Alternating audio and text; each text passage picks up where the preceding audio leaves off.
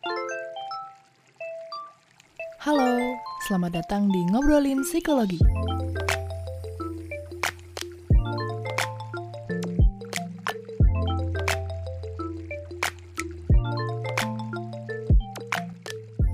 Ya, terima kasih teman-teman masih setia mendengarkan Ngobrolin Psikologi.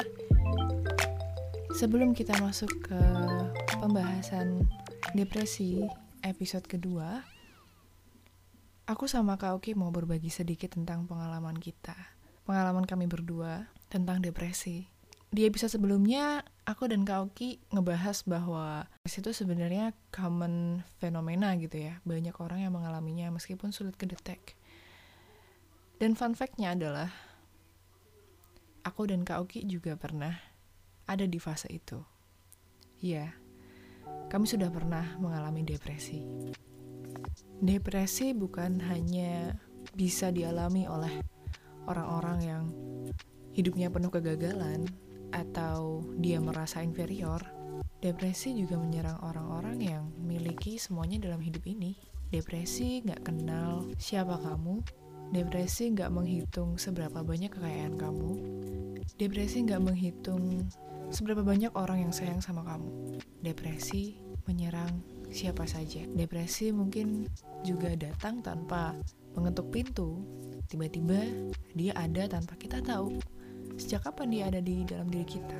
Tapi tidak ada keadaan yang tidak bisa diubah dan aku di sini ingin berbagi sedikit cerita bagaimana pengalamanku dan Kak Oki dulu saat mengalami depresi itu dan bagaimana cara kami melaluinya. Bukan berarti cara yang kami gunakan itu adalah cara yang paling tepat karena setiap orang memiliki caranya masing-masing untuk menghadapi permasalahan dalam hidup mereka termasuk depresi. Jadi di sini kami sekedar berbagi dan pesan yang ingin kami sampaikan sebenarnya adalah you are more than your mental illness. Kamu lebih dari sekedar gangguan mentalmu. Jangan biarkan gangguan mental itu merenggut hidup kalian karena sesungguhnya gangguan mental adalah bagian kecil dari hidup kalian. Sedangkan puzzle utuhnya itu adalah diri kalian, kekuatan kalian, dan eksistensi kalian sebagai manusia. Manusia punya banyak cara dan manusia telah diberi oleh Tuhan berbagai kelebihan dan potensinya serta kemampuannya untuk menghadapi masalah. Maka dari itu, semoga cerita yang dapat membuat kalian menyadari kekuatan diri kalian masing-masing dan memilih untuk tidak menyerah. Sekarang aku ingin bercerita tentang pengalamanku dulu. Secara singkat aja sih, berawal dari pengalamanku dulu uh, sekitar 2014 aku deket dengan seorang laki-laki. Aku kenal dia lewat internet lah. Kemudian kami saling komunikasi via chat karena dia berada di kota yang berbeda denganku. Lambat laun kita semakin dekat dan suatu hari dia memutuskan untuk ingin menemuiku tanpa aku minta. Dan aku cuma ingin meyakinkan dia apakah dia benar-benar ingin melakukan itu karena ya butuh modal untuk bisa ketemu aku gitu. Nggak gratis. Singkat cerita setelah beberapa drama beberapa bulan kemudian kami akhirnya jadian. Dan aku menjalani hubungan LDR selama hampir tiga tahun selama masa sama dia um, awalnya aku tidak terlalu notice dan mengharapkan banyak hal gitu ya kayak dengan kehadirannya merku udah cukup gitu untuk teman berbagi keluh kesah dan lain-lain. Sampai akhirnya hidupku tuh kayak berubah gitu loh. Aku jadi sering sedih terus nggak pede dan aku membatasi hubunganku dengan orang-orang di sekitarku. Dan itu terjadi saat aku awal-awal kuliah sampai semester 7 pertengahan kuliah pikiranku diisi oleh hanya dia. Jadi pikiran utamaku adalah dia dan lainnya adalah ya sampingan aja gitu. Karena aku nggak tahu kenapa nggak ngerti kenapa hubunganku sama dia itu kayak overwhelming gitu loh. Kayak it takes so much space in my head in my mind in my feelings dan aku malah sering nangis tanpa gak ngerti sebabnya. Dan tetap sih pas aku nangis aku juga cerita ke dia bahwa aku gak ngerti sebabnya kenapa. Dan dia cuma bisa kayak nemenin tanpa tapi deep down in my feelings I don't feel like he's there. And I don't feel like he's really understand what I'm going through gitu. Tapi aku nggak nganggep itu adalah hal yang serius gitu. Masih denial denial banyak banget. Aku nggak berpikiran bahwa hubungan ini toxic tapi aku ngerasa hubungan ini nggak sehat dan sebenarnya aku sadar bahwa hubungan ini bisa lebih baik dari ini. Cuman kayak aku nunggu dari dia untuk open up dan siap kapan mau nerima masukan dari aku gitu. Tapi it never happen sampai akhirnya dia minta break tiba-tiba. Kemudian selang selang sekitar dua minggu dia ngaku kalau dia deket sama cewek lain di sana. Yang bikin aku hancur adalah pertama he is very good at lying. Kalau emang dia udah deket sama cewek ini berarti pendekatan masa-masa pendekatan sama cewek ini kan udah berlangsung lama. Nggak nggak mungkin satu dua hari doang gitu. It damaged me a lot and it's a hard truth that I should swallow gitu ya. Dan kedua dia akhirnya cerita bahwa mereka berdua udah memiliki kedekatan fisik yang cukup intim gitu dan gue bukannya iri atau apa cuman kayak I didn't expect that he is someone that I don't know for sure gitu loh. Kayak ternyata banyak sisi yang aku nggak tahu dari dia. Padahal kita udah sering banget komunikasi intens banget chat selama tiga tahun tapi emang dia pintar dalam menyembunyikan sesuatu. I don't take that personally. Maksudnya awal ya emang sih awalnya aku ngerasa apa sih yang kurang dari aku gitu. Tapi lama-lama itu malah bikin aku stres sendiri dan yang bikin aku semakin down adalah he didn't validate my feelings. He didn't treat me better. Like dia malah lebih ngilang daripada sebelumnya dan gak bisa jujur ke aku gitu. What is really going on inside of him, inside of his mind. Dia gak bisa jujur pada akhirnya aku memutuskan untuk ya kita sih kita kita memutuskan untuk menyudahi semua ini gitu ya. I mean pada masa-masa closure itu aku tetap komunikasi sama dia dan aku berusaha jujur agar dia juga mau jujur gitu. Aku pengen tetap ada komunikasi yang sehat tapi mungkin nggak bisa ya karena until the end of the time when the last time I met him I know that he's not honest. Dan aku nggak nggak nuntut apa apa juga sih kayak deep down in my mind I talk to myself that oh dia orangnya kayak gini dan dia nggak sesuai dengan kebutuhan orang atau pasangan yang aku cari. Jadi just let let go gitu. Pada akhirnya aku berani memutuskan untuk perlahan-lahan habis terakhir ketemu masih chat terus lama-lama aku putus komunikasi bener-bener chat terakhir nggak aku bales. Itu adalah titik terakhir di mana aku connected sama dia dan nggak ada kontak sama sekali sampai hari ini. Semua akun aku blok bahkan email aku blok. Ada satu sih sebenarnya nggak aku blok justru nomor. Karena faktanya emang dia nggak pernah ngubungin aku nggak pernah hubungin aku duluan. To mend our uh, relationship gitu ya. Meskipun ya udah nggak ada gunanya lagi. Nah di masa-masa itu ketika aku harus dealing with all my problems aku juga lagi mulai skripsian terus aku lagi magang dan lain-lain. Dan rasanya itu kayak aku nangis sering banget nangis hampir setiap hari. Terus sehari itu bisa nangis berkali-kali sebelum tidur bahkan bangun tidur. Kayak aneh banget bangun tidur pagi-pagi hal pertama yang lo lakuin adalah nangis dan rasa sedih yang sangat sedih banget gitu. Terus itu untung ya masih bisa tidur gitu. Kadang malam tuh susah tidur karena rasanya tuh pikiran jahat tuh menuin kepala dan rasanya tuh kayak ya kayak nggak bebas gitu loh terkekang banget dengan pikiran jahat negatif. Meskipun kalau aku ya nggak sampai ada pikiran self harm atau bunuh diri tapi emang it takes all of my energy and time. Jadi aku tetap berangkat magang. Kebetulan lokasinya di kampus. Cuman di sana aku nggak bisa functioning. Di sana aku eh, nggak uh, fokus. Bahkan aku bisa tiba-tiba nangis di depan temanku yang lagi diem aja. Terus uh, terpaksa kerjaanku aku limpahin ke temanku yang satu shift sama aku dan di saat itu aku beruntung banget karena punya orang-orang yang peduli mengerti dan mau meluangkan tenaganya untuk backupin aku gitu. Di masa-masa itu juga kebetulan aku magang di sebuah biro konsultasi. Itu aku merasa beruntung banget. Di sana aku ketemu uh, supervisorku di mana dia juga adalah seorang psikolog di situ aku konsultasi sama dia. Dan aku sebenarnya konsultasi secara nggak langsung sama psikolog psikolog lain yang waktu itu lagi ada kerjaan di biro. Aku uh, berusaha untuk tanya ke mereka tentang kebingungan aku dan mereka menjawab semua pertanyaanku. Meskipun setiap habis nanya aku pasti nangis sendiri gitu. Dan di masa-masa itu teman-temanku udah kayak terbiasa sama aku kayak emang lagi sedih jadi gampang nangis aku yang awalnya suka banget makan jadi males makan gak berselera. Dan aku bahkan takut gitu pulang sendirian naik motor gitu ya habis magang habis kuliah. Takut gitu rasanya sendirian. Rasanya pengen ditemenin orang lain tapi juga tetap sedih gitu. Jadi emang masa-masa yang gak nyaman banget. Tuh di situ aku berusaha untuk apa ya pertama menerima keadaan diri sendiri sih. Terus kayak self compassion memeluk diri sendiri terus ngepupuk diri sendiri dan ngeluarin semua perasaan yang aku rasain serta membuka diri sama hal-hal yang selama ini aku deny gitu. Kayak misal dulu waktu masih sama mantanku itu aku nggak me nggak menganggap kesalahan yang dia lakukan itu nyata gitu. Aku masih denial aja. Tanpa sadar aku jahat sama diriku sendiri kan. Nah di masa-masa aku mulai self healing itu akhirnya aku minta maaf sama diriku sendiri bahwa aku terlalu permisif dengan emotional abuse gitu yang dilakuin sama mantanku gitu.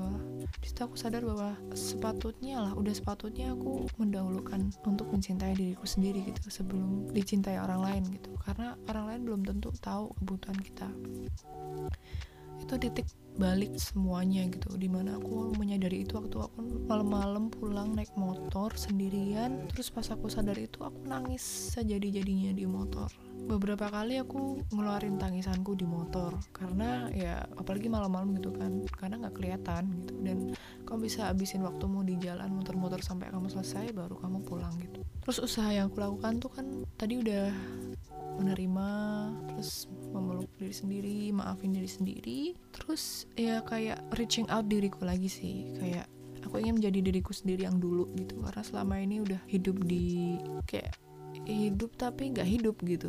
Karena bukan kemauanku bukan ngelakuin yang aku mau gitu. Karena paling gampang medianya adalah Instagram. Jadi di sana aku cari-cari akun yang bisa support kesehatan mentalku. Misalnya tentang quotes quotes bijak quotes quotes uh, move on terus quotes tentang relationship gitu. Oh ya sama aku banyak banget nulis entah itu di jurnal entah itu di waktu luangku karena setiap ada pikiran yang mengganggu uh, itu tuh kayak ngegrundel gitu loh jadi satu. Makanya aku perlu nulisin itu biar terurai gitu. Aku lagi mikirin apa aja dan sebenarnya aku ngerasain apa pengen apa gitu aku sering banget nulis meskipun kayak coret-coretan gak jelas gitu.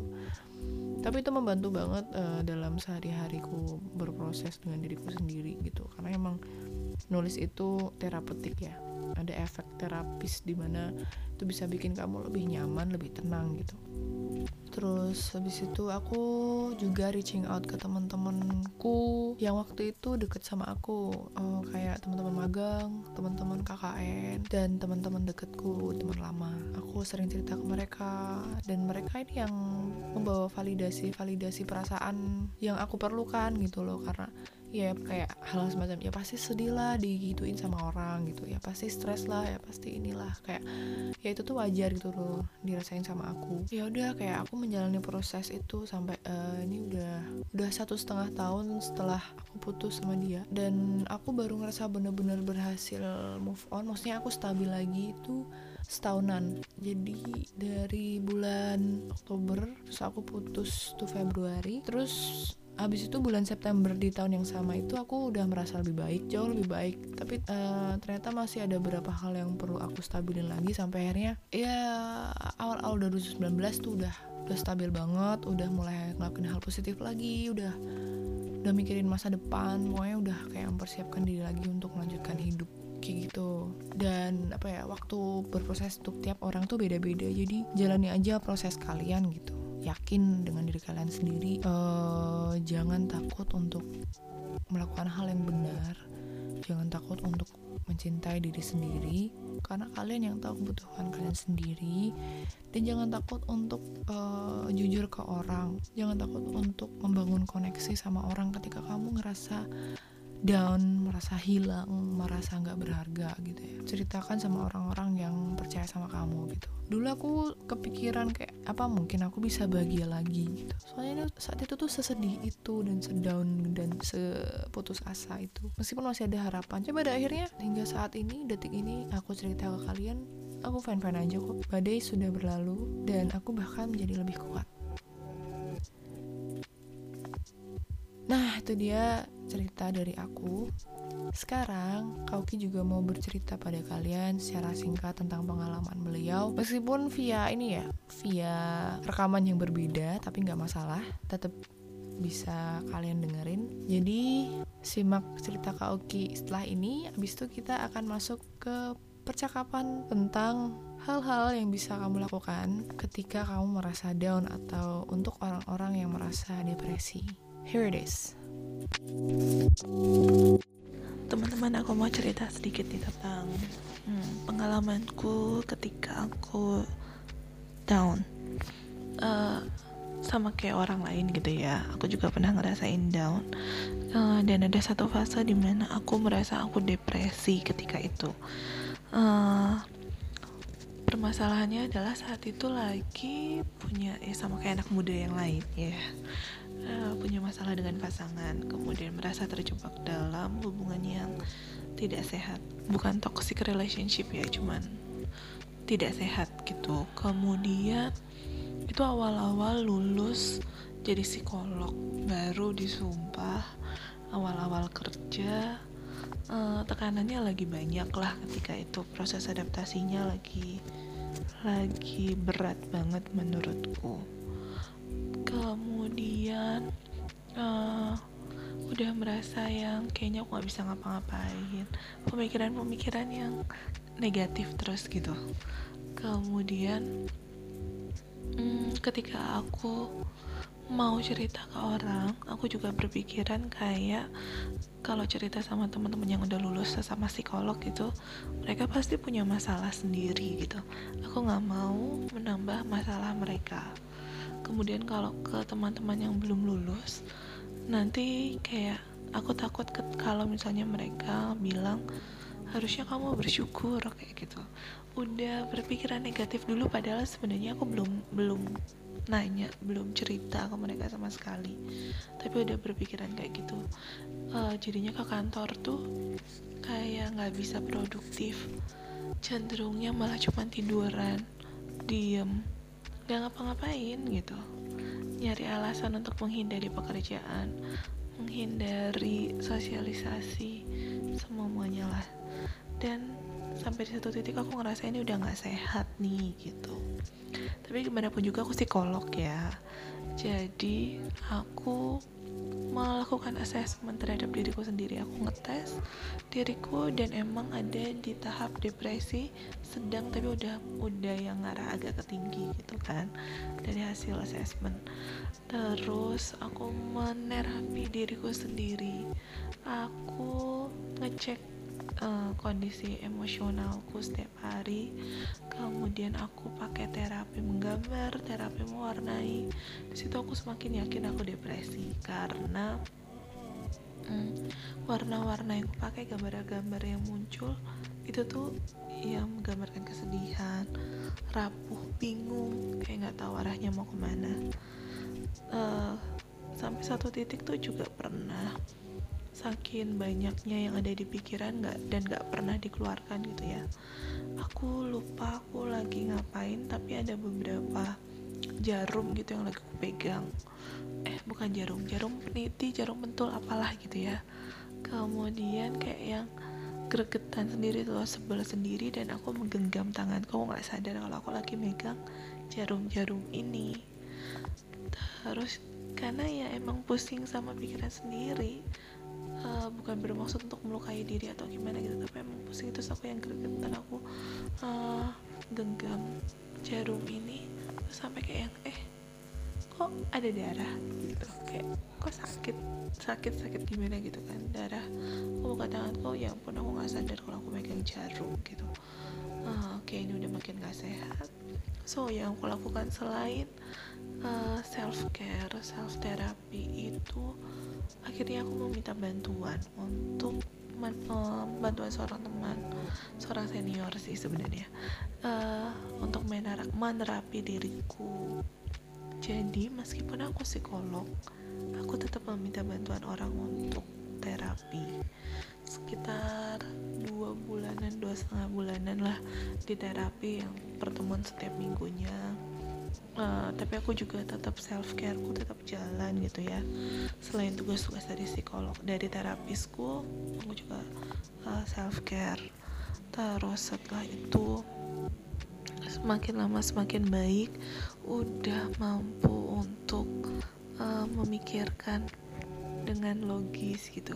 Hubungan yang tidak sehat ini juga sudah berakhir dan segala macam.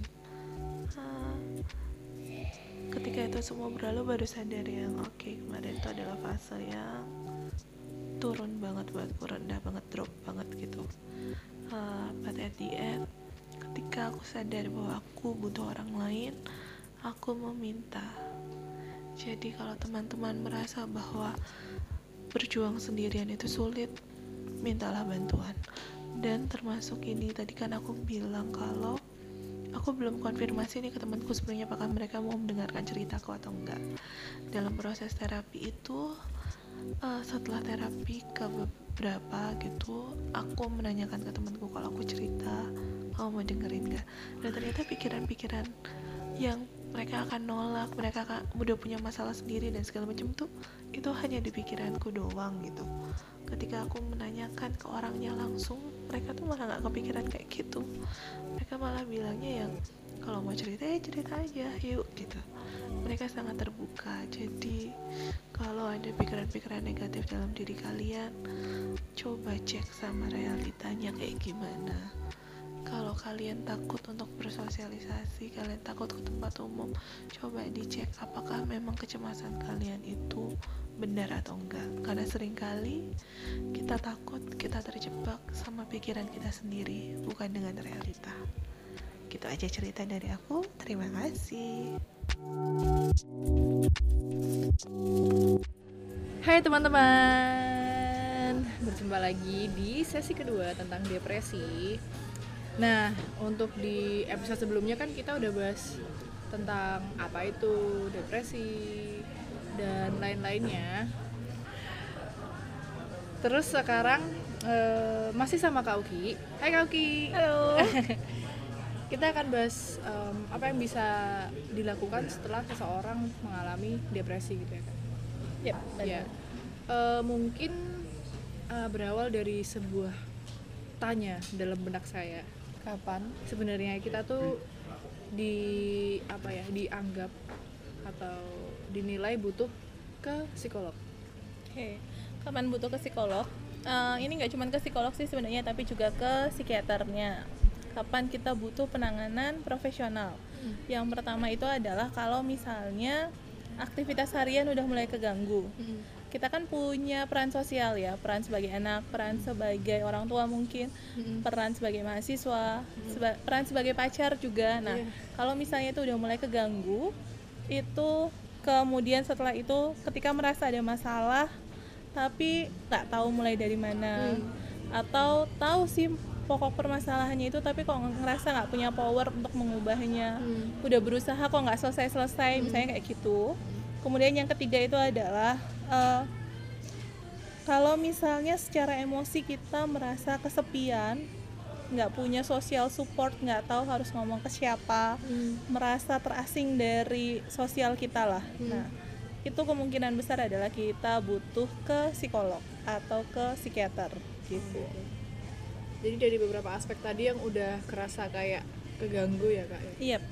intinya adalah ketika kita sudah merasa ketika aktivitas sosial kita udah terganggu sama mencari pelarian pelarian yang nggak sehat. ah, iya, iya. kayak hmm. self harm yang kayak gitu-gitu. Itu salah satu tanda-tanda ya Yep, betul. Bahwa mungkin kamu sedang tidak baik-baik saja.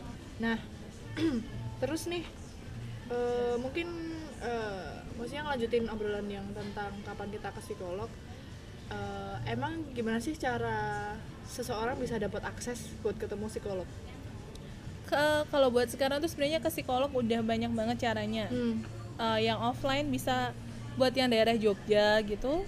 Uh, kota Jogja Kabupaten Sleman kemudian Kabupaten Bantul itu udah ada psikolog tuh di puskesmas. Hmm. kemudian di rumah sakit udah banyak juga. Hmm. teman-teman bisa mulai googling searching gitu lah ya. Hmm. itu ada banyak psikolog. Kemudian yang uh, online itu ada jauh lebih banyak lagi hmm, dan biasanya harganya lebih terjangkau.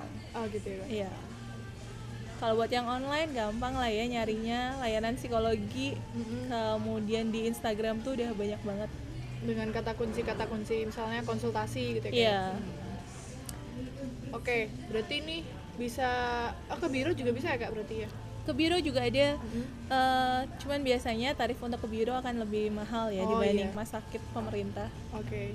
kalau misal di kota Jogja sendiri ya kak karena kita di sini uh, kira-kira kisaran biaya yang harus kita keluarkan untuk ketemu psikolog itu berapa sih Kalau buat yang puskesmas Mm-mm. eh, Kabupaten Sleman ya, ya itu berkisaran 17.000 sampai 25.000. wah itu dapat sekali makan itu lebih murah malah Iya, luar bukan? biasa, Luar biasa. Itu puskesmas ya kak ya Puskesmas.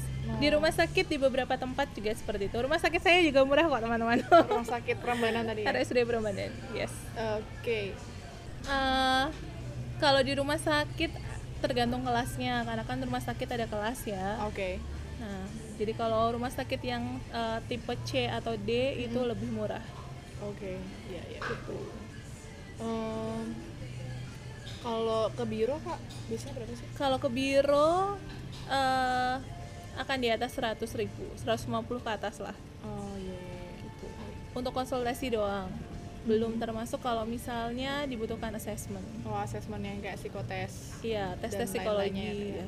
tes psikologi kalau kak Oki ngerti nggak eh, referensi di kota lain itu tuh beda be- beda-beda atau eh, range-nya tuh rata-rata sama sih ya? rata-rata beda, bukan rata-rata sama ya.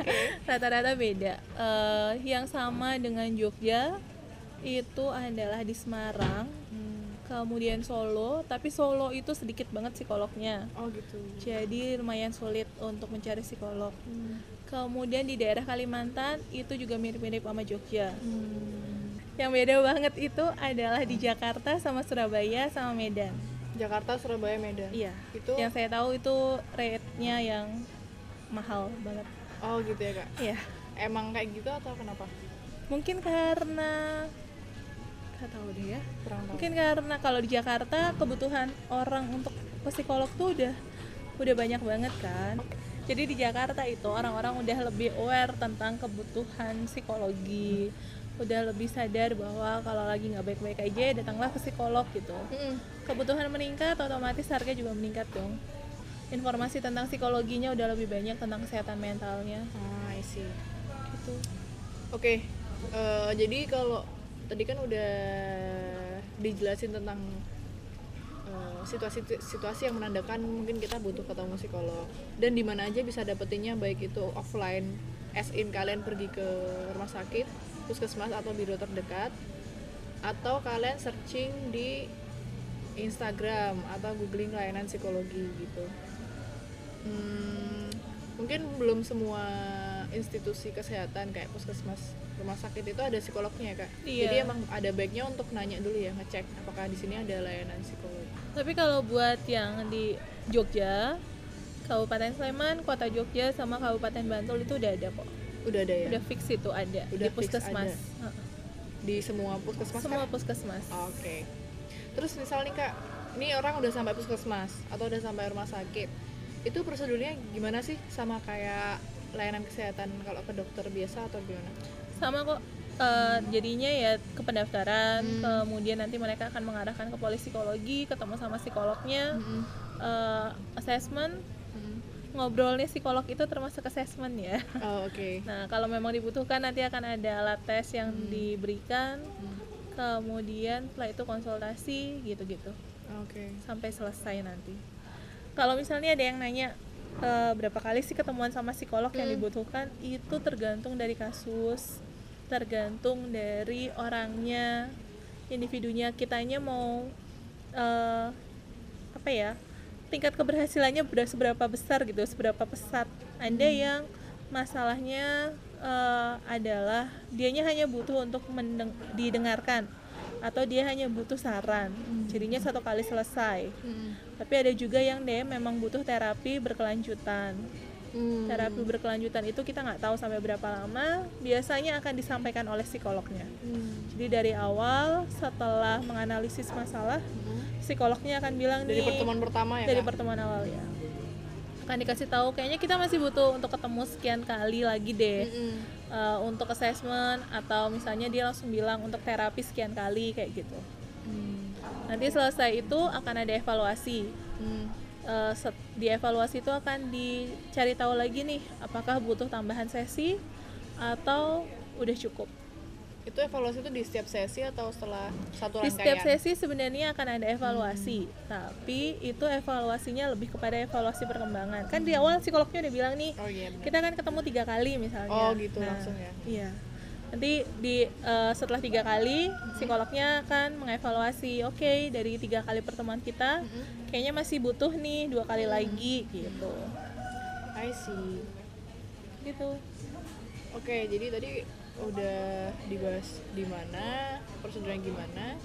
Terus next kira-kira mungkin lebih kayak cara diri sendiri ya kak. Misal ketika mungkin kan orang misalnya udah merasakan sensasi yang gak enak dari dirinya. Terus kan nggak semua orang langsung pengen ke psikolog gitu.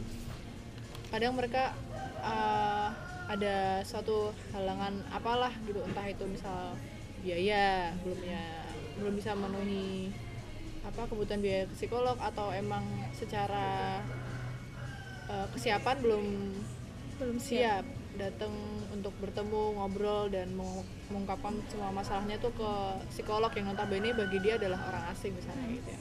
Nah, kira-kira apa nih yang bisa dilakuin oh, dari diri kita sendiri gitu untuk memperbaiki kondisi diri kita sendiri? Oke, nah sebelum masuk ke self helpnya, uh, mau menjelaskan dulu bahwa psikolog itu adalah profesional gitu ya, orang yang profesional, orang yang netral. Kemudian psikolog itu udah disumpah untuk menjaga kerahasiaan Oh ya benar. uh, apa pun yang disampaikan di dalam ruang konsultasi gitu. Selama hubungannya adalah sebagai psikolog dan klien, semuanya bersifat rahasia.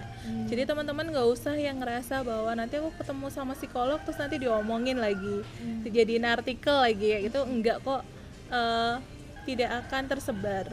Pasti tetap akan dijaga kerahasiaannya. Kemudian ciri-cirinya juga nggak akan.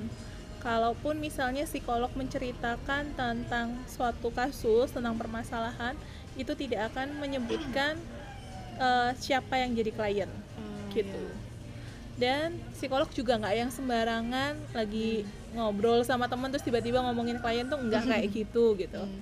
Eh, tetap ada kode etiknya. Kode etik psikologi ya ya? Betul sekali. Dan kami sudah disumpah untuk menjalankan kode etik itu gitu.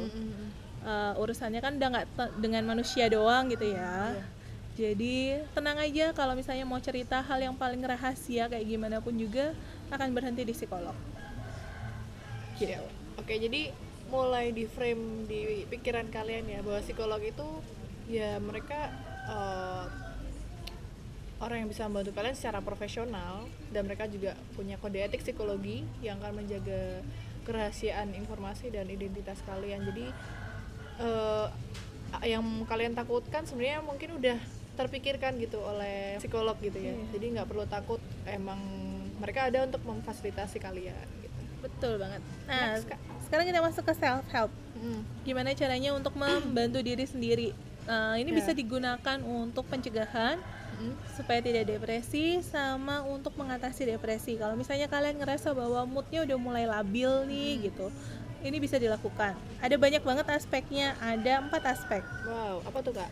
yang pertama adalah self love Wah, jadi mencintai self-love. diri sendiri. Eh, selama ini kan kita taunya kalau mencintai diri sendiri itu adalah kayak apa ya mengagumi diri sendiri doang gitu ya. Hmm. tapi sebenarnya self love itu termasuk dalam hal jaga kesehatan fisik olahraga yang teratur makan yang Oke. sehat kemudian tidur yang cukup Hehehe. ini biasanya jadi masalah nih tentang tidur kemudian hindari alkohol rokok obat-obatan obat-obatan yang tidak dibutuhkan da- oleh tubuh nggak usah dikonsumsi gitu Hmm. kemudian monitor kesehatan secara rutin monitor Ah. kesehatan fisik Eh, misalnya kalian buat yang eh, usia 18-20 mungkin nggak perlu yang setiap enam bulan sekali medical check up kali ya tapi mungkin setahun sekali dua tahun sekali kayak gitu Hmm. itu tetap ada medical check up Eh, logikanya adalah kayak gini ketika kita secara kondisi emosi sama kondisi fisik itu saling berhubungan Mm-mm. ketika fisiknya nggak sehat emosinya bisa ikut terganggu Ya. begitu juga kalau misalnya emosinya nggak sehat emosinya keganggu Hmm. fisiknya juga bisa terpengaruh jadi ketika kita medical check up itu juga kita bisa sekaligus ngecek emosi kita lagi baik-baik aja apa enggak ah Gitu. iya iya maksudnya ketahuan dari kondisi fisiknya iya oh kayak misalnya orang de- depresi ya Mm-mm. itu biasanya rentan dengan sakit-sakit fisik seperti sakit jantung Hmm. stroke diabetes kayak gitu. Oke. Lebih rentan ke arah sana mereka. Rentan. oh iya. Gitu. Kemudian self help yang kedua itu adalah mm, manajemen diri. Hmm. menyeimbangkan antara kerja dan liburan. Work hard Wah. play hard ya. Asik nih. Gimana tuh kak? Eh, balik ke pernyataan segala sesuatu yang berlebihan itu tidak baik. Mm-mm. jadinya kalau misalnya kita kerja terus-terusan yang dipikirin hanya kuliah doang itu juga tidak sehat gitu ya. Oke. Jadi lakukan juga hal-hal yang bisa membuat bahagia. Ada loh gunanya kita punya satu atau dua hari liburan di Sabtu dan Minggu gitu. Mhm. itu buat refreshing nonton film lah lakukan hal-hal yang menyenangkan hobi kayak gitu. Kemudian pahami kapasitas diri. Kita keasikan kepanitiaan misalnya ya Mhm. kayaknya pengen semua semuanya tuh dikerjain sendiri iya, iya. Ngelembur gitu ya. Iya, semua hal tentang Uh-uh. acara ini tuh kayak pengen segera diselesaikan gitu. Tapi ingatlah kapasitas dirinya. Kapan kita harus berhenti, kapan kita harus istirahat, rehat dulu. Kemudian tetapkan tujuan yang realistis. Kalau misalnya ngerjain skripsi itu tidak bisa dilakukan dalam dua minggu ya jangan bikin target dua minggu gitu. Kalau Ya. misalnya bikinnya yang realistis lah, jangan membebani diri sendiri. Hmm. tapi jangan juga yang eh, bisa sih sebenarnya diselesaikan sebulan tapi dibikin dua bulan deh itu juga tidak realistis kan. Oke. Itu namanya terlalu memanjakan tubuh. Gitu. Jadi yang sedang-sedang saja ya kak ya? Ya yang tepat. Tepat. Baik. Kemudian yang kedua itu adalah peka dengan emosi. Ini masih manajemen ya? Masih self help oh self self help yang ke eh sorry self help yang ketiga. Oh self help yang ketiga. Yap. Oke. yang pertama tadi itu kan self love Mm-mm. kemudian yang kedua itu adalah manajemen diri. Yang ketiga itu peka dengan emosi. Oke. Eh, mungkin ada yang udah tahu tentang ini kali ya? Eh, five for five rules. Tau gak sih? Five four five rules. Yang eh, kalau itu kalau sesuatu itu tidak, Tidak akan, akan mempengaruhi hidupmu dalam lima tahun ke depan tidak usah menghabiskan waktu lebih dari lima menit, menit untuk, untuk- memikirkannya. Nah. Aku tanya five minutes rule. Ya gitu lah ya, pokoknya. ya. istilah-istilah tapi sama itu. Nah, ya kayak gitu. Jadinya kalau emang itu adalah suatu hal yang biasa aja, nggak usah overthinking, lebih santai menghadapinya. baik. Kemudian lakukanlah eh, buat jurnal harian. Jurnal harian ini kayak diary waktu kita masih kecil lah, tapi isinya lebih kepada jurnal kebersyukuran, Hmm. kemudian tracking emosi kita. Wow. Hari ini apa yang kita rasakan Mm-mm. apa yang kita lakukan eh, merasa efektif tidak pekerjaannya. Eh, kalau aku aku bikinnya itu dua track dua hal yang di track. Yang pertama adalah emosi harian yang kedua itu adalah produktivitas harian kenapa kok penting produktivitas karena kalau misalnya kita produktif kita bergerak kita aktif otak kepake fisik kepake gitu kan Mm-mm. jadinya pasti nggak akan kepikiran hal yang aneh-aneh Mm.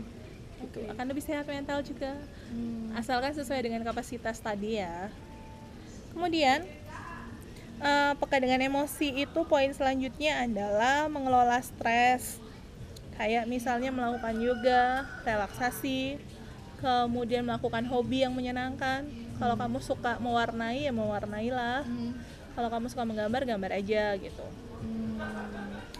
setelah itu yang penting lagi adalah pertahankan social support kayak gimana tuh kak Orang dengan depresi biasanya poin yang sering kelihatan itu adalah menarik diri. iya Ini yang sering aku temui di klienku adalah sengaja nggak sengaja deaktif IG.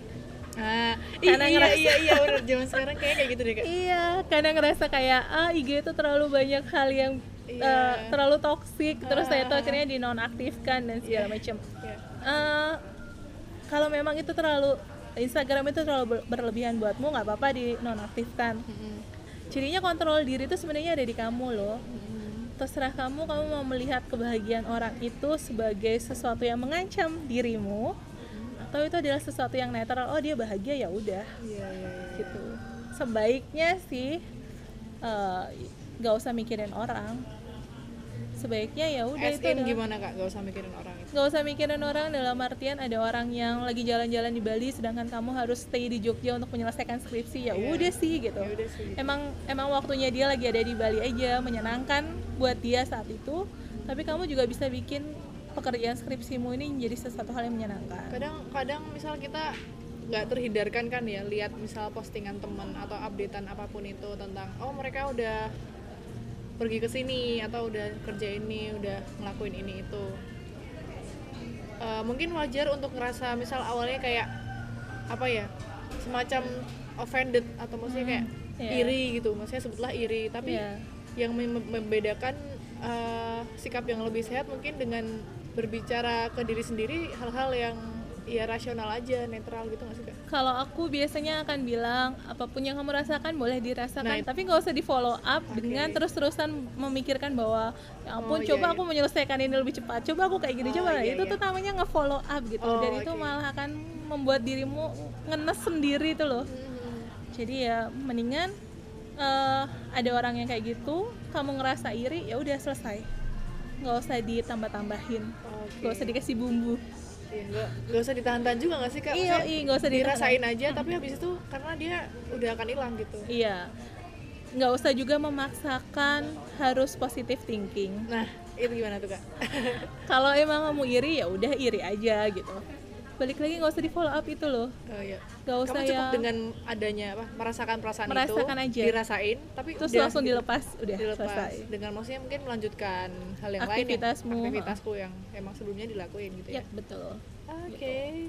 Nah, terus setelah itu peka dengan emosi dengan diri sendiri itu juga perlu untuk memahami kapan aja situasi rentanku. Oke. Misalnya Hmm. eh, habis putus dari pacar gitu Hmm. kan. Terus setelah itu mendekati tanggal-tanggal enif, bahwa itu memang situasi rentanmu. Kalau misalnya kamu merasa sedih di masa-masa itu itu adalah suatu hal yang wajar Wajar ya apalagi kalau misalnya belum belum bisa letting go dengan putusnya ini Berdamai gitu. gitu. ya belum bisa berdamai dengan situasi itu nggak apa-apa loh kamu sedih Iya. jangan langsung ngejudge bahwa aku punya masalah aku sangat parah aku nggak move on move on Oh ini gitu. istilahnya kayak it's okay to be not okay. ya, Iya. Yes. nah jadi pahami situasi rentanmu Hmm. atau pas kapan ya. Eh, pas teman-teman misalnya mereka udah pada kerja, udah bisa ngapa-ngapain dan kamu masih belum dapat kerjaan gitu, ya udah nggak apa-apa. Itu memang situasi rentanmu untuk merasa iri, merasa pengen kayak gitu, dan itu nggak masalah. Tapi terus maksudnya nggak apa-apa terus itu terus aku harus gimana gitu loh. Kadang kadang aku dulu ya pas aku masih awam misalnya aku sedih nih gini. Ya udah nggak apa-apa gitu. Terus maksudnya tuh apa gitu loh? Kayak, Maksudnya adalah lakukan aktivitasmu oh sehari-hari. iya. Lanjutin aja Iya, lanjutin hidupmu aja gitu ya. hidupmu. oh ya Jangan berhenti di satu titik lah. I see. Oke maksudnya gitu Kemudian self help yang selanjutnya Hmm. itu adalah eh, kalau memang setelah kamu melakukan semua mua yang tadi itu Mm-mm. kamu masih belum merasa ada perubahan, rasa sedih terus, nggak punya semangat terus, mintalah bantuan. Pertama minta bantuan ke teman dulu, ajak ngobrol teman. Hmm. Eh, memang kan biasanya akan ketemu dengan orang-orang yang bilang udahlah masalahmu tuh nggak berat kok. ya Yoi, gitu. kayak Nah, masih kamu tuh masih lebih beruntung daripada orang-orang Ya. XXX ini Nah, gitu. kalau misalnya kalian menemukan orang-orang yang seperti itu, kalian pilihannya boleh cerita ke teman yang lain, Mm-mm. atau itu kan sebenarnya penolakan ya. Kalian boleh lo carinya bantuannya itu ke profesional, ke psikolog, yang tidak akan menolak kalian apa pun yang terjadi, gitu. Oke, terus perihal kayak tanggapan-tanggapan yang baik, ntar kita bahas lagi di next Ya. episode ya. Yang selanjutnya buat self help itu Mm-mm, aja sebenarnya. Yang penting adalah mencintai diri sendiri. Hmm. peka sama emosi kita, kemudian bisa manajemen diri, sama cari bantuan profesional. Itu doang. Gitu. Oke. Kemudian eh, selain dari orang lain, selain bantuan dari orang lain kan kita juga butuh untuk nguatin diri sendiri ya. Hmm. Kadang-kadang orang merasa depresi, merasa sedih itu karena salah dalam melihat masalah. Ah ya, perspektif dia ya. Ya perspektifnya ini masalah tentang eh, strategi coping nih cara kita menghadapi permasalahan. Hmm. Jadi di psikologi ada yang namanya strategi coping. Strategi coping itu adalah cara atau metode yang dilakukan seseorang untuk mengatasi dan mengendalikan masalah yang dia hadapi. Cara dia untuk cope dengan kondisi itu. Oke. Nah, eh, strategi coping yang kita kenal itu ada dua. Tapi yang sering dilakukan itu adalah yang ketiga. Oh gitu. What? Jadi secara Jadi teori, apa? secara teori itu sebenarnya cuma ada dua gitu kan. Oh, Tapi gitu. sebenarnya yang sering kali kita lakukan tuh yang adalah yang ketiga. Yang pertama strategi to- coping yang teoritis itu adalah emotional focus coping. Ah. Jadi ada masalah, kemudian kita fokus ke emosi dulu, menetralkan emosi dulu karena biasanya ini untuk situasi-situasi yang kita nggak bisa ngubah kondisinya. Ah, oke. Kayak misalnya bencana alam, Mm-mm. ya kamu nggak bisa ngatur bencananya mau datang kapan kan. Eh, jadinya yang bisa kamu lakukan adalah membuat dirimu sendiri untuk tenang supaya bisa lebih logis dalam eh, follow up dari bencana ini gitu. Nah, terus coping yang kedua itu adalah problem focus coping. problem fokus. Kalau yang problem fokus ini untuk menghilangkan keadaan yang jadi stresor. Hmm. Misalnya stresornya itu adalah skripsi. Problem fokus coping itu akan ya udah selesai skripsinya, kelar, selesai. Skripsi selesai, eh, stresmu juga akan selesai. Nah, tapi yang sering dilakukan adalah yang ketiga nih, yaitu avoidance. Waduh. Itu itu bisa dianggap coping juga apa? Itu coping tapi itu yang tidak efektif. Oh, tidak efektif. dia memang menghadapi situasi kan maksudnya itu cara dia menghandle situasinya tapi itu tidak efektif yaitu dengan menghindarinya gitu Hmm. Apa yang terjadi masalahnya tetap ada aja. Dia tetap eh, kayak cuman menghindar doang sampai suatu saat dia akan ketemu dengan masalah yang sama. Terus kira-kira kenapa kak banyak orang yang ngelakuin avoidance ini? karena butuh keberanian untuk menghadapi masalah. Seberapa berani kak? Eh, seberapa berani? Sebenarnya sih kamu hanya butuh menghadapinya saja gitu bahkan kalau kamu menghadapi dengan ketakutanmu pun itu Heeh. sebenarnya nggak masalah kan oke. tapi kita tuh udah takut takut yang udahlah ngikutin takutnya aja gitu Iya. akibatnya masalahnya nggak selesai selesai Iya, iya, iya. Padahal mungkin penyelesaiannya mungkin nggak serumit itu nggak ya, serumit ya? yang kita pikirkan Cuma perlu dilalui aja. gitu. hanya perlu Tapi emang dilalui. takut itu kerasa nyata banget sih kak Iya. di situasi seperti saya itu. paham Saya paham baik. Psikolog pasti paham ya. Kayak gitu kak. Hmm. Tapi orang yang ngakuin avoidance tuh sebenarnya sadar nggak sih kak? Biasanya kalau dia tuh avoidance gitu. ada yang sadar ada yang enggak ada yang melogikakan bilang bahwa Oh. enggak ini tuh aku bukan avoidance ini aku sedang melakukan emotional focus coping gitu ya Oh iya. aku hanya sedang menata hati Mungkin kadang orang orang seperti itu tuh mikir nunggu waktu yang tepat. Saya itu ada nggak sih kak sebenarnya waktu yang tepat tuh ada nggak sih? Eh, kalau aku secara pribadi bilang nggak ada. Nggak ada ya. karena momen itu diciptakan bukan ditunggu gitu. Oke, so just do it gitu ya. iya. Kalau misalnya nih kamu mau melakukan sesuatu dan kamu takut nggak apa-apa loh kamu menghadapi hal itu dengan ketakutanmu. Bawa saja ketakutanmu. Misalnya kamu mau presentasi nih di depan kelas. Iya. presentasi depan umum lah gitu yang ngere- seribuan orang. Ya udah maju aja ke depan presentasilah dengan segala macam ketakutanmu dengan segala macam kecemasanmu dan katakan apa yang bisa kamu katakan lakukan apa yang bisa kamu lakukan Eh, tubuh kita tuh butuh waktu tapi dia hanya akan bisa beradaptasi ketika berada di situasi itu Benar sekali. kalau terus-terusan nunggu di belakang panggung doang itu namanya nggak beradaptasi gitu Oke. soalnya kita nggak ada di, di atas panggung Ah, iya. kita nggak ada berada di situasinya gitu Mm-mm. jadi maju aja ke atas panggung kemudian bersiaplah Mm-mm. Ketika kamu ngomong pelan-pelan tubuhmu akan beradaptasi mentalmu akan beradaptasi kamu lebih tenang lebih nyaman Tapi emang itu mudah dikatakan ya kak ya. iya Karena maksudnya emosi itu kan nyata banget rasanya. Mungkin orang-orang butuh waktu, butuh proses buat memahami semuanya dulu sebelum benar-benar memutuskan untuk oke melangkah ke depan. Eh, itu pernyataan yang benar tapi agak tricky Oh, oh. karena kita nggak harus paham tentang segala sesuatunya loh Oh, ya benar juga sih. ada banyak hal yang kita sebagai manusia sangat terbatas. Eh, aku pun tidak tahu tentang hal-hal yang sangat berbau kedokteran sekali. Hmm. Tapi bukan berarti aku tidak bisa praktek di rumah sakit. Ah. Bukan berarti aku nggak bisa bekerja sama dengan dokter. Aku nggak tahu tentang kedokteran ya nggak apa-apa, memang bukan bidangku gitu. Hmm. jadi kamu nggak perlu tahu tentang segala sesuatunya Eh, anggaplah kamu lagi jalan bawa lampu gitu. Lampumu cuma bisa nerangin 2 meter di depanmu ya udah nggak apa-apa. Nggak perlu menerangi seluruh dunia kan supaya kamu bisa jalan. Tapi kadang merasa pengen merasa aman gitu dengan nggak sadar ternyata kita terlalu meninggikan standar ya itu namanya avoidance. Oh ya? Iya. Kamu sedang menghindari karena sebenarnya kamu cuma pakai logika kan rasionalisasi iya karena aku takut aku mungkin kayak aku salah gitu. Jadi kapan kamu tahu kamu salah? Kalau udah melakukan? Iya. Ya udah dilakukan Aduh, dulu. sulit ya bu. Lakuin aja dulu. Iya ya baik. Tapi emang itu itu mungkin salah satu problemku sih kak. Maksudnya yang baru aku sadari belum lama ini. Dan apa ya kayak aku tuh kadang secara nggak sadar takut salah. Tanpa sadar waktu berlalu terlalu lama. Iya. dan aku nggak ngapa-ngapain kayak emang hidup tuh kayak gini ya? Kok kak maksudnya kayaknya kok orang-orang fine-fine aja gitu loh dengan melakukan banyak hal. Dan kadang aku justru kagum sama orang yang berani ngelakuin dan salah dan dia menerima kesalahannya itu gitu.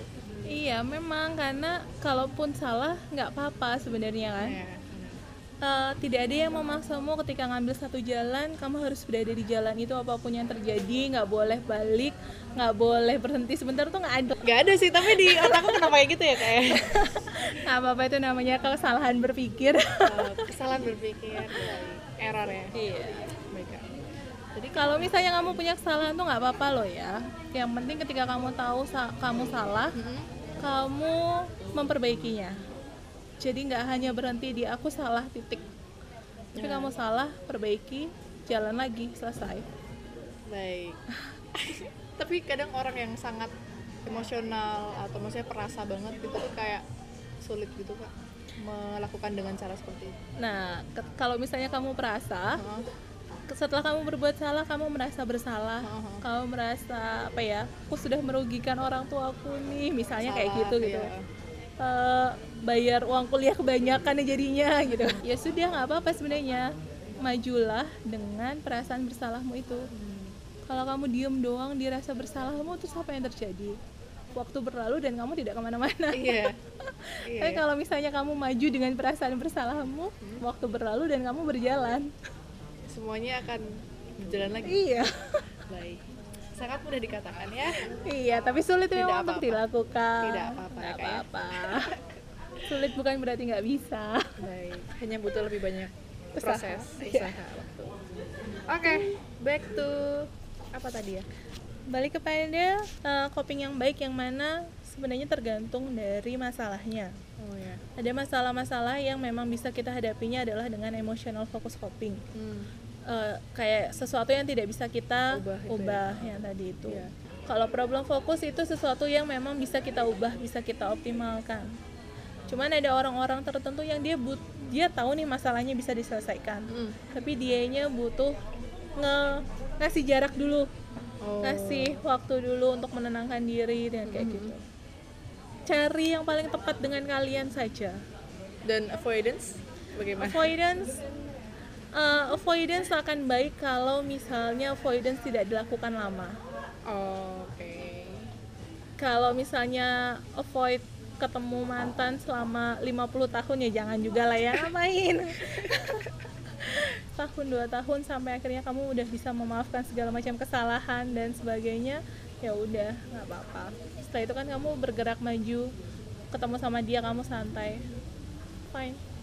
Oke avoidance itu adalah jeda gitu ya kayak jeda. sekedar jeda nggak apa-apa ya. Nah, tapi goal utamanya adalah kita melakukan sesuatu terhadap ah menghadapi masalah itu. masalahnya. Oke. Nah mungkin lebih ke pertanyaan terkait ini ya kak. Kalau misal ada orang yang mungkin ngerasa mulai ngerasa kok kayaknya aku down banget ya apakah aku stres atau depresi? Tapi aku takut dibilang lebay sama orang lain. Oke, ah, masalah lebay ya. Eh, ketika kamu merasa bahwa itu adalah suatu masalah, maka itu masalah selesai. Nggak usah dibandingkan sama orang lain. oh gitu Nggak usah membandingkan masalahku nggak seberapa dibandingkan orang lain. Hmm, masalahku terlalu kecil kalau dibandingkan dengan ceritanya dia tuh nggak usah kayak gitu. nggak usah kayak gitu ya. Ketika menurutmu itu adalah suatu masalah, berarti itu masalah. karena Karena kapasitas setiap orang bisa berbeda. Yang menurutku masalah belum tentu menurut kamu masalah.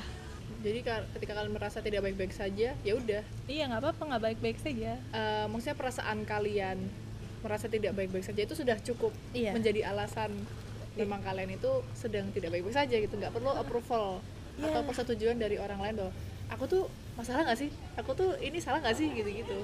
Betul sekali. So ya udah gitu karena setiap orang beda-beda nggak bisa dibanding-bandingin ya. Oke eh, tapi misal aku pengen cerita gitu. Aku takut dibilang lebay tapi aku pengen cerita apakah aku harus jujur aja sama apa yang aku rasain ke dia atau nggak usah cerita. Tapi kalau nggak cerita aku makin merasa nggak enak. Sebenarnya ini kasuistik banget. Kasuistik banget. Iya, tergantung kasusnya. oh, oke.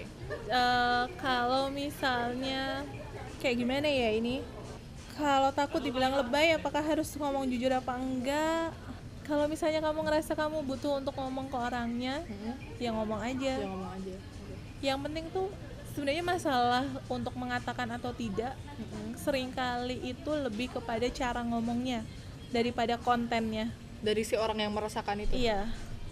Kayak misalnya, hmm, aku nggak suka HP ku dipinjam sama orang gitu ya. Terus ada orang yang, eh pinjam ya, terus dia langsung megang HP ku gitu. Eh, mungkin akan lebih kalau misalnya aku langsung teriak-teriak ke dia yang marah-marah gitu. Tapi aku punya alternatif lain loh. Caranya adalah dengan mendatangi dia dan bilang bahwa aku nggak suka loh kalau misalnya HP ku diambil atau dipegang sama orang. Aku merasa bahwa HP ku tuh adalah ranah personalku loh. Bisa aja kan kayak gitu. Iya. Nah, kebanyakan masalah itu dikomunikasikan, bukan di kontennya. Jadi bukan perasaannya yang salah ya, Iya. tapi lebih ke nyampeinnya. Cara yang menyampaikannya. mungkin kita perlu menambah beberapa alternatif lain Iya. agar orang juga ngerti gitu kita sebenarnya kenapa. Iya. Karena kalau misalnya kita lagi marah, kita lagi sedih, terus kita teriak-teriak atau kita nangis-nangis, orang tuh tetap nggak paham kamu tuh kenapa. Kamu harus ngomong ada apa apa yang terjadi padamu, apa yang kamu rasakan supaya orang lain paham. Kalau kamu cuman nangis-nangis doang, Ngode-ngode doang. ngode-ngode doang, come on. Ada banyak hal yang bisa Psikolog aja nggak bisa ngerti ya kak ya. Kalau cuma nangis-nangis doang. Iya. Apalagi orang awam. Gitu. Em, next, kalau misal ada kasus eh, seorang remaja atau anak muda, dia sadar dia punya masalah dan dia oke aku pengen ke psikolog tapi misal ya mungkin lebih ke remaja ya kak misal dia terhambat izin orang tua ya karena orang tuanya ngira apa mikir masalah gangguan psikologis itu masih terstigma gitu kayak ngapain sih kamu ke psikolog ntar dilihat orang lain gimana misalnya dengan segala alasan si orang tua itu nah apa yang sebaiknya si anak ini lakuin Eh, ini sebenarnya banyak kasus yang kutemui juga kayak gitu. Oh, ya? Iya. Terutama kasus-kasus di konsultasi online. ah Solusinya adalah konsultasi online aja oke. dulu.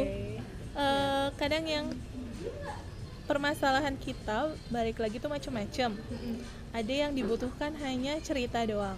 Nah, kalau memang yang kamu butuhkan hanya cerita saja, konsultasi online akan sangat membantu. Hmm. Eh, kalau yang pernah jadi klienku itu nggak pernah nggak dapat izin dari pacar, Ah. nggak dapat izin dari orang tua Mm-mm. padahal dia harus minta ke orang tua dan orang tua pasti nggak akan mau Oh, ngasih yang kayak gitu.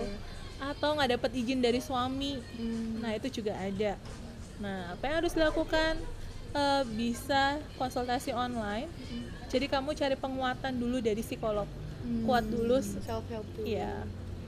Kemudian nanti psikolog akan membantumu untuk alternatif apa yang harus dilakukan.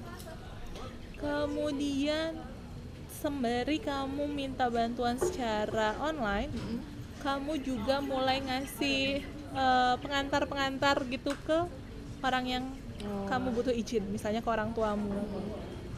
Mulai memperkenalkan tentang artikel-artikel psikologi. Kayak misalnya mau ke orang tua, itu kasih artikel tentang psikologi Hmm. apalagi sekarang udah banyak kan sebenarnya yang aware tentang psikologi Iya. nah Eh, bisa online dulu kali ya Yap. kalau nggak ada orang yang bisa menyaran ngasih kamu saran Eh, terus nih ada yang tanya kalau aku pengen bunuh diri dan merasa hidupku nggak berguna apakah aku sedang depresi diagnosis tidak semudah itu teman-teman tidak semudah itu Ferguson kenapa tuh kak karena butuh pemeriksaan yang mendalam hmm. depresi itu bukan hal yang sederhana gitu it's complicated Iya, itu rumit. Itu suatu hal yang serius, Yap. bukan hal yang main-main gitu.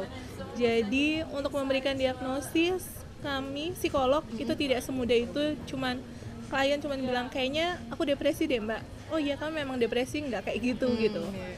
Kan ada pemeriksaan yang lengkap, yang komprehensif dan itu hanya bisa dilakukan kalau kliennya ketemu sama psikolog gitu. dan mungkin kalau dia merasa nggak memungkinkan ketemu psikolog dengan segala alasannya sekarang mungkin bisa kayak coba konsultasi online cari platform yang bisa kamu cerita dengan aman gitu dan nggak perlu pergi-pergi juga Iya. aman buat kamu lah intinya gitu gitu ya kak yang intinya tidak semudah itu Iya. perlu dipastikan lagi ke profesional ya. Hanya karena ada pemikiran bunuh diri itu nggak bisa langsung dibilang itu depresi ya. Iya iya iya. ada banyak hal yang memungkinkan ke arah sana. Meskipun demikian segeralah cari pertolongan profesional.